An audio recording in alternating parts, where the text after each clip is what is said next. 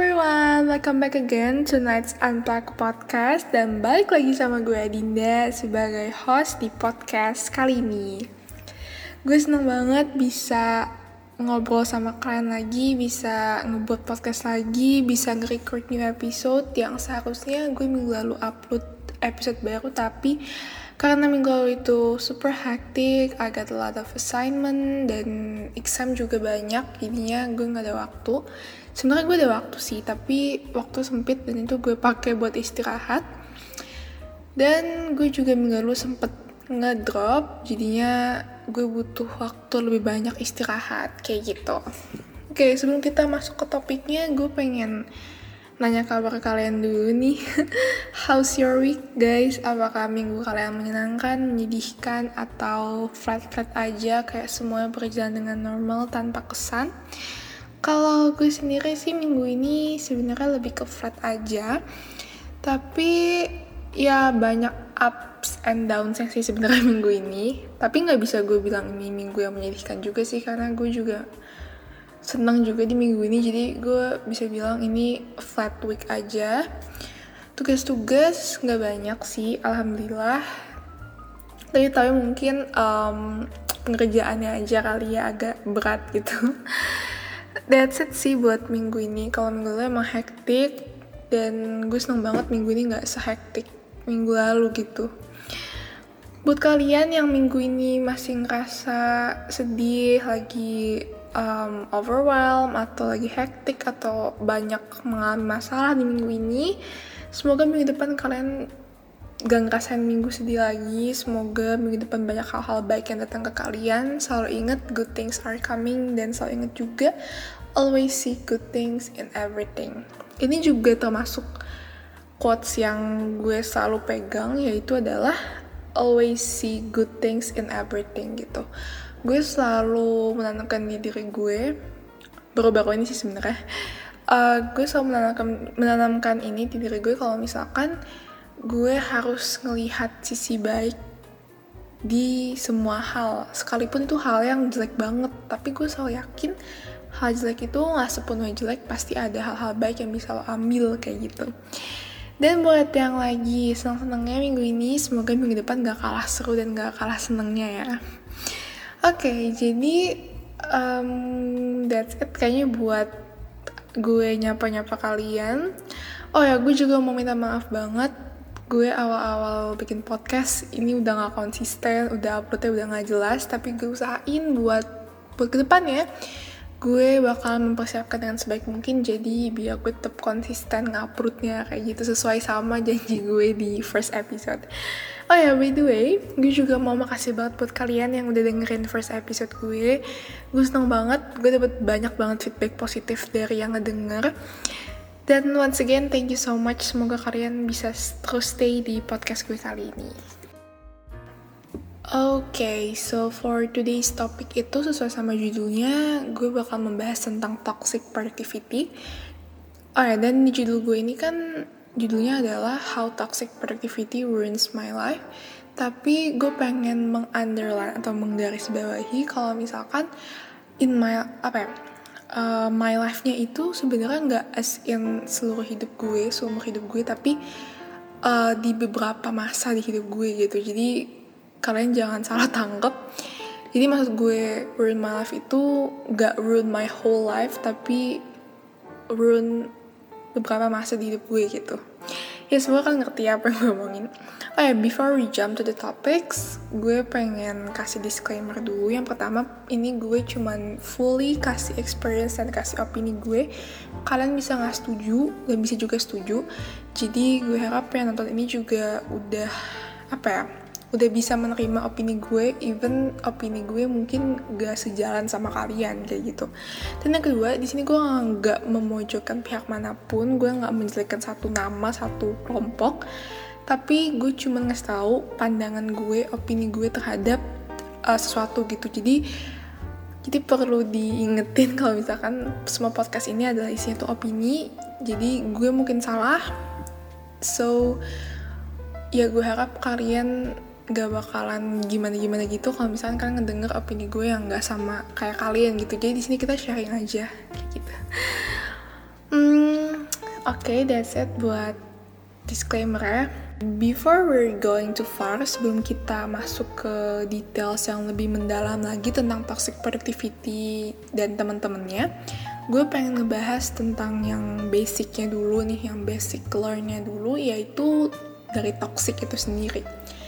What is toxic? What's the definition of toxic exactly? Kenapa sih orang baik banget yang ngomong tentang toxic? Misalkan kayak, ini lingkungan itu toxic, ataupun ih gue ini toxic sama diri gue sendiri nih sebenarnya apa sih arti toxic sendiri gitu kalau misalkan kalian search di search engine kayak Google and everything kalian bakal menemukan toxic itu adalah sesuatu yang meracuni atau menyakiti suatu hal jadi kayak gitu kalau menurut Google Nah, tapi di sini gue bakalan ngasih opini gue atau pandangan gue terhadap arti toxic yang berdasarkan konteks yang pengen gue bahas menurut gue adalah toxic itu hmm, suatu hal yang secara nggak langsung dan secara nggak sadar itu nyakitin suatu hal dan orang banyak yang nggak sadar kalau misalkan mereka ngalamin toxic tersebut. Why? Karena kalau menurut analisa gue, menurut apa yang gue perhatiin, toxic itu sebenarnya berasal dari sesuatu yang baik tapi udah off the limits, udah melampaui batas, udah berlebihan. Kayak gitu. Jadi kenapa kita tuh nggak sadar? Karena kita masih ngerasa kayak ah hal ini normal kok gak berlebihan. Kayak gitu. Jadi kenapa orang tuh banyak yang nggak sadar banyak yang nggak aware itu? Karena mereka menganggap itu masih hal yang normal padahal udah off the limit sudah berlebihan jadinya malah jadi toxic. Kayak gitu Nah, toxic sendiri ini mempunyai banyak banget macamnya. Kalau yang gue familiar nih ya, yang pertama itu adalah toxic friendship, toxic productivity yang bakal gue bahas, toxic terhadap diri sendiri, toxic family, dan yang terakhir adalah toxic relationship. Mungkin ini kalian udah familiar banget karena orang banyak banget yang ngomongin juga tentang toxic relationship kayak gitu. Dan kenapa gue milih untuk membahas tentang toxic productivity? Kenapa nggak yang lain aja gitu? Uh, yang pertama adalah karena gue punya experience about it, gue punya pengalaman tentang itu, jadi akan lebih gampang untuk gue menjelaskan dan mengilustrasikan gimana sebenarnya toxic productivity itu. Dan yang kedua, uh, toxic productivity ini lumayan deket sama kehidupan gue karena orang-orang di sekitar gue, gue sering banget menemukan mereka mengalami toxic productivity. Dan gue juga sering lihat di sosial media kayak di TikTok atau nggak di Twitter itu banyak banget juga yang mengalami toxic productivity. Jadi um, menurut gue sendiri topik ini bagus banget buat dibahas karena ini penting gitu loh. Jadi biar kalian juga kalau misalkan pengen melakukan banyak hal itu terhindar dari toxic productivity. Oh ya, dan uh, toxic productivity ini yang kebanyakan gue baca, yang yang kebanyakan gue tonton videonya itu biasanya mereka menjelaskan toxic productivity pada dunia kerja atau pada dunia orang dewasa yang udah punya pekerjaan. Dan kalau gue sendiri lebih mau ke konteks yang uh, pelajar gitu ya, seumuran gue. Soalnya kalau yang konteksnya tuh ke dunia kerja, gue ngerasa gue masih minim ilmu banget tentang itu karena kan gue nggak tahu gimana sebenarnya dunia kerja. Jadinya gue nggak pengen asal kasih info asal kasih opini tapi itu gue nggak punya uh, nggak uh, punya nggak punya ilmu gitu. Jadi takutnya salah. Jadi gue bakalan ini lebih konteksnya tuh lebih ke pelajar karena gue gue kadang ngeliatnya tuh serem aja gitu. Kalau misalnya ada ada pelajar yang mengalami toxic productivity ini gitu. Okay, let's jump to the topics. What is toxic productivity? Sebenarnya apa sih arti dari toxic productivity? What's the definition of it? Kalau gue menyimpulkan dari yang gue baca-baca di Google ataupun dari sumber-sumber lain, gue ngerasa toxic productivity itu adalah keadaan di mana lo itu nge-push diri lo sendiri, lo itu maksa, lo itu mendorong diri lo sendiri untuk melakukan hal-hal yang produktif tanpa melakukan istirahat agar lo itu terlihat sibuk. Atau juga bisa lo artiin dengan um, kondisi ketika diri lo itu mempush diri lo sendiri untuk memenuhi ekspektasi-ekspektasi yang lo udah buat, yang lo udah rancang terhadap diri lo sendiri, padahal diri lo ini tuh udah off the limits, udah kayak udah capek, udah mencapai limit. kayak gitu kalau yang dari gue baca ya. Jadi sebenarnya kondisi ini kalau lo lihat dari definisi aja udah kayak wah ini nyakitin diri sendiri ya. Karena it is gitu. Itu emang nyakitin. Jadi makanya gue ngerasa toxic productivity ini parah banget dampaknya bisa ke mana-mana. Kayak gitu. Oke okay, jadi gue mulai aja. Jadi gue ini mengalami toxic productivity itu saat bulan Agustus tahun lalu dan gue baru sadar itu sekitar bulan akhir November ya. Akhir November tapi yang gue bener-bener melepaskan toxic productivity itu adalah pada bulan Januari tahun ini. Jadi gue sadar akhir November jadi it takes kayak one month buat gue keluar akhirnya dari sifat toxic productivity ini. Dan kenapa gue bisa masuk ke toxic productivity itu? Jadi waktu itu gue pas bulan Agustus itu gue mulai mengaktifkan kembali Twitter gue setelah gue udah banget gak ngeinin Twitter. Dan di situ gue menemukan komunitas di di Twitter semacam kayak sebenarnya sistemnya sama kayak fanbase Twitter tapi namanya adalah study tweet. Jadi mereka tuh punya account dan mereka biasanya um, ngasih-ngasih info atau kan mereka nge-share tentang apa pun mengenai study mereka misalkan misalkan kayak ratsol atau mungkin kayak catatan rangkuman dan biasanya juga nge-share waktu mereka belajar sama sehari serta mereka tuh udah sampai mana gitu belajar dan gue ngelihat komunitas itu gue langsung kayak wah orang-orang kok pada ambis banget ya. Orang-orang kok pada kayak ngejar dan ngegas banget. Soalnya gue udah lihat gak sedikit juga orang yang kayak dia itu pas kelas 10 udah belajar untuk um, SBMPTN dan juga mereka kalau belajar itu jarang yang dua jam. Gue biasanya ngeliat tuh kayak 6 jam malahan ada yang gak weekend. Mereka full mereka pakai untuk belajar. That's good. Gue gak bilang itu jelek. Tapi when it comes too much itu bakal jadi toxic. Dan ada satu tweet yang sampai sekarang gue inget banget. Dan ini menurut gue tweet ini mendorong gue untuk berorientasi hanya terhadap hasil. Jadi ada tweet yang kayak ngomong kalau misalkan lo nggak lolos SNMPTN lu selama 3 tahun di sekolah ngapain aja? Belajar apa aja? Kayak gitu. Itu satu tweet yang mungkin dia menganggap bisa memotivasi dan mungkin sebagai orang juga nangkep itu sebagai motivasi dan dorongan tapi itu menjadi dorongan juga buat gue tapi malahan ke arah yang toxic. Gue jadi mempertanyakan gue ini sebenarnya harus lolos SNMPTN nih pas gue SMP soalnya kalau gue nggak lolos ya artinya gue nganggur doang nih selama 3 tahun gitu. Dan mindset gue mulai berubah. Dan sebenarnya mindset gue ini udah menggambarkan kalau gue orientasi terhadap hasil. Gue nggak peduli gimana cara prosesnya. Nah jadi karena itu udah become mindset gue gue jadi punya mindset kalau misalkan gue harus sering belajar gue harus belajar dengan waktu yang lama.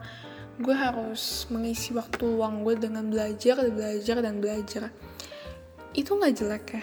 Tapi it becomes worse ketika lo nggak punya tujuan apa ya nggak punya tujuan yang jelas dalam belajar gitu. Ya mungkin oke okay, mungkin lo pengen dapat nilai bagus karena gue juga mikir kayak gitu. Gue belajar yang lama karena gue pengen dapat nilai maksimal. Dan tapi gue itu malah berorientasi penuh terhadap nilai. Gue hanya mementingkan nilai tapi gue nggak mem, apa ya gue nggak memperhatikan perjalanan gue. Gue nggak memperhatikan progres gue. Dan gue cuma mentingin kayak oh ya udah yang penting hasil gue segini. Oh yang penting gue dapet segini. Kayak gitu. Padahal belajar itu is more than that lo dapet nilai gitu loh. Menurut gue hal yang paling memuaskan ketika lo belajar itu adalah ketika lo dapet ilmu. Karena ilmu itu gak semua orang belajar dapet ilmu. Tapi orang il orang yang berilmu pasti itu belajar gitu. Dan di situ tuh gue nggak sadar itu. Gue tuh mementingkan kalau sekarang nih ya bisa bisa bilang kayak gue mementingkan quantity over quality. Jadi gue uh, mementingkan durasi gue belajar instead of the quality itself gitu. Jadi uh, yang udah yang penting gue belajar penuh. Yang penting gue belajar banyak materi hari ini. Tapi sebenarnya gue nggak ada value nya gitu loh. Kayak gue cuman tahu gue belajar dengan durasi yang lama rangkuman gue penuh. Tapi gue sebenarnya I would say gue nggak dapet knowledge gitu. Ya ya ada sih. Tapi paling kayak 5 or 10% of knowledge yang sebenarnya itu jelek banget skalanya atau jelek banget ukurannya. Tapi gue gak sadar gitu. Jadi um, oh ya pada ada satu waktu gue itu lagi capek banget karena kalau nggak salah gue itu siangnya itu kayak gue udah ulangan susulan terus langsung gue sambung les dan malam itu sebenarnya kalau misalkan gue gak toxic gitu ya gue bakal istirahat malam itu ya bukan gue akan mengerjakan tugas tapi yang santai gitu loh. Nah tapi saat itu gue belajar gitu. Gue maksa belajar karena gue nganggep capeknya gue ini bukan gue capek ya tapi karena gue males. Makanya malam itu gue coba untuk belajar dengan ya dengan durasi 2 jam 3 jam gitu loh. Dan saat itu gue belajar dan gue ketiduran. Karena ya gimana ya badan lo tuh udah capek otak lo capek tapi lo paksa. Karena lo nggak sadar kalau diri lo tuh sebenarnya lagi capek gitu. Dan saat itu gue ketiduran dan itu gue dibanguninnya tuh sama papa gue karena papa gue masuk ke dalam kamar dan dia ngeliat gue belajar gitu. Waktu tuh waktu tuh papa gue bilang kalau misalkan capek stop aja lanjut besok. Tapi gue nggak dengerin gitu ya karena gue ngomong ah enggak lah orang gue cuma capek biasa doang. Kayak kenapa aku stop nanti tuh malah waktu gue yang aku harusnya gue dapet eh yang aku harusnya gue pakai untuk belajar gue malah tidur tiduran gitu. Padahal lu salah kan mindsetnya. Ya karena di situ kondisi otak gue tuh udah capek gitu. Jadi kayak mau belajar apa pun nggak bakal masuk ya karena otak lo sendiri tuh belum kebuka gitu loh istilahnya. Ya itu dia salah satu contoh gue toxic productivity tuh kayak gitu. Gue nggak ngasih diri gue tuh untuk istirahat kayak gitu dan ada juga satu waktu ketika gue dapet nilai gitu loh. Gue nggak pernah gue nggak pernah puas terhadap nilai yang gue dapet. Gue nggak pernah appreciate myself dengan segala hasil. Gue selalu apa ya gue selalu mempunyai ekspektasi yang tinggi yang sebenarnya tuh ekspektasi itu toxic juga sih. Kayak gue tuh ngejudge diri gue kalau misalkan gue nggak dapet nilai yang gue targetin gue gagal gitu. Padahal kan kegagalan itu kan it's not simple kayak lo nggak dapet nilai bagus gitu loh dan di situ tuh gue malahan kayak ya malahan gue nganggep ketika gue dapet nilai yang gak sesuai ekspektasi itu gue kurang belajar gue kurang gue kurang memperpanjang waktu gue belajar gitu ya. Padahal sebenarnya itu itu adalah tanda ketika gue mengalami toxic productivity itu jadi kalau gue baca juga di internet itu kalau misal itu apa ya uh, lo punya rasa nggak bersyukur lo punya rasa nggak puas itu ya disebabkan karena toxic productivity. It, uh, lo tuh toxic terhadap diri lo sendiri juga kan pasti itu secara nggak langsung. Ya udah terus uh, ada di satu waktu yang gue lagi burn out gue lagi overwhelmed gue lagi stress dan terus itu ditambah dengan hasil ulangan yang jelek gitu. Itu udah komplit banget itu adalah puncak overwhelm gue itu ada puncak stress gue. Dan di malam itu waktu gue dapet nilai tersebut gue nangis ya. Gue nangis gue nangis jadi jadinya gue nyalahin diri gue as always. Terus setelah itu gue ngomong banyak ke kakak gue. Gue ngomong um, ya gue ngomong kondisi gue itu gimana. Gue ngomong selama itu beban gue itu apa gitu. Dan ya udah gue tuh ngobrol sama kakak gue. Dan setelah gue ngobrol sama kakak gue mindset gue langsung berubah gitu. Dan gue baru menyadari kalau misalkan gue gue ini ternyata toxic gitu. Gue ternyata nyakitin diri gue sendiri gitu loh. Ya mungkin yang awal gue mikir kayak ah nih bagus nih gue semangat nih gue ambis gitu. Tapi gue ngerasa kayak ini gue tuh instead of ambis gue malah nyakitin diri sendiri gitu. Gue malah jadi nggak appreciate apa yang diri gue udah udah kasih gitu loh. Dan ya sebenarnya bukan malam itu kayak change my mindset jauh banget sih kayak 180 derajat lah bisa dibilang gitu. Yang dulunya gue berorientasi terhadap hasil gue sekarang berorientasi terhadap gimana cara gue mendapatkan hasil tersebut. Gue lebih berorientasi terhadap journey gue terhadap progress gue gue lebih enjoy dan ya akhirnya gue Desember itu gue memutuskan buat gimana sih nih biar gue keluar dari toxic productivity. Yang pertama gue lebih ngelakuin to do list. Dan gue itu sehari sehari itu gue sering banget baca-baca motivational quotes yang tentang self love ya. Gue banyak baca-baca itu dan yang kedua itu gue belajar buat maafin diri gue sendiri gitu. Ketika gue nggak bisa memenuhi ekspektasi yang diri gue buat gue belajar buat memaaf, memaafkan diri gue sendiri dan gue belajar berterima kasih apa yang udah diri gue lakuin di hari tersebut. Dan yang ketiga adalah gue stop comparing myself to other. Gue gue ngerasa dengan bergabungan gue di komunitas study tweet itu itu nggak bikin gue termotivasi malahan bikin beban malahan bikin toxic terhadap diri gue sendiri akhirnya gue lock out itu account dan dan gue sampai sekarang gue nggak pada buka lagi karena yang ngapain gitu kan.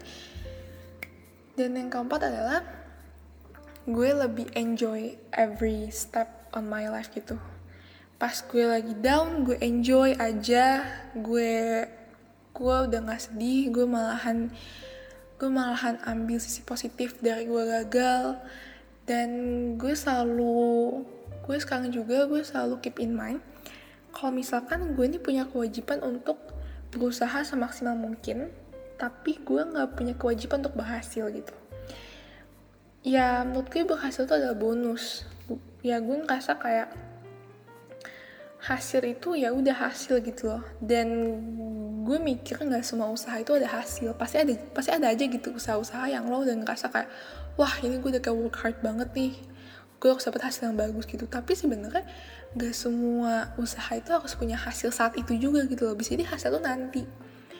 Dan ya gitu nggak semua usaha harus berhasil. Pasti ada gagalnya gitu. Kalau misalkan lo nggak gagal lo kapan mau belajar gitu loh? Padahal tuh pas yang kegagalan itulah ya sebenarnya itu bisa ngebangun bisa nge-shaping diri lo kayak gitu. Ya gue sekarang lebih sampai sekarang sih kayak gue lebih enjoy aja sih ya. Kalau misalkan gue dapet nilai jelek ya pasti sedih itu pasti ya. Misalnya kayak sedih itu manusiawi lah.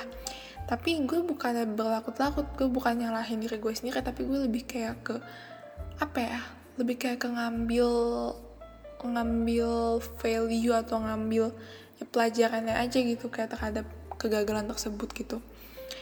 Ya gue enjoy aja ketika gue gagal dan gue enjoy juga pastinya ketika gue berhasil gitu okay, so um, that's it gitu ya.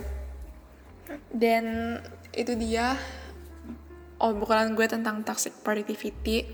Gimana gue menjalani itu, dan pakai ke diri gue itu gimana. Dan oh ya, dan gue juga punya beberapa sign ketika lo mengalami toxic productivity. Yang pertama adalah lo nggak pernah ngerasa puas atau nggak pernah ngerasa bersyukur terhadap apa yang lo dapat atau yang lo kasih atau yang lo kasih ke sesuatu dan yang kedua, lo sering banget bandingin orang lain atau sering banget bandingin achievement orang lain terhadap diri lo. Dan yang ketiga adalah lo sering ngerasa burnout atau overwhelmed atau stres tapi sebenarnya lo itu nggak lagi apa ya tapi sebenarnya lo juga nggak tahu penyebab itu apa menurut gue itu adalah tiga sign yang gue rasain ketika gue mengalami toxic productivity gitu dan uh, usaha gue buat keluar dari toxic productivity itu adalah pertama gue lebih ke self -medi meditating. Jadi gue sempet kayak self healing gitu gitu self healing gue waktu itu gue nggak jalan-jalan sih ya karena waktu itu lagi pandemi.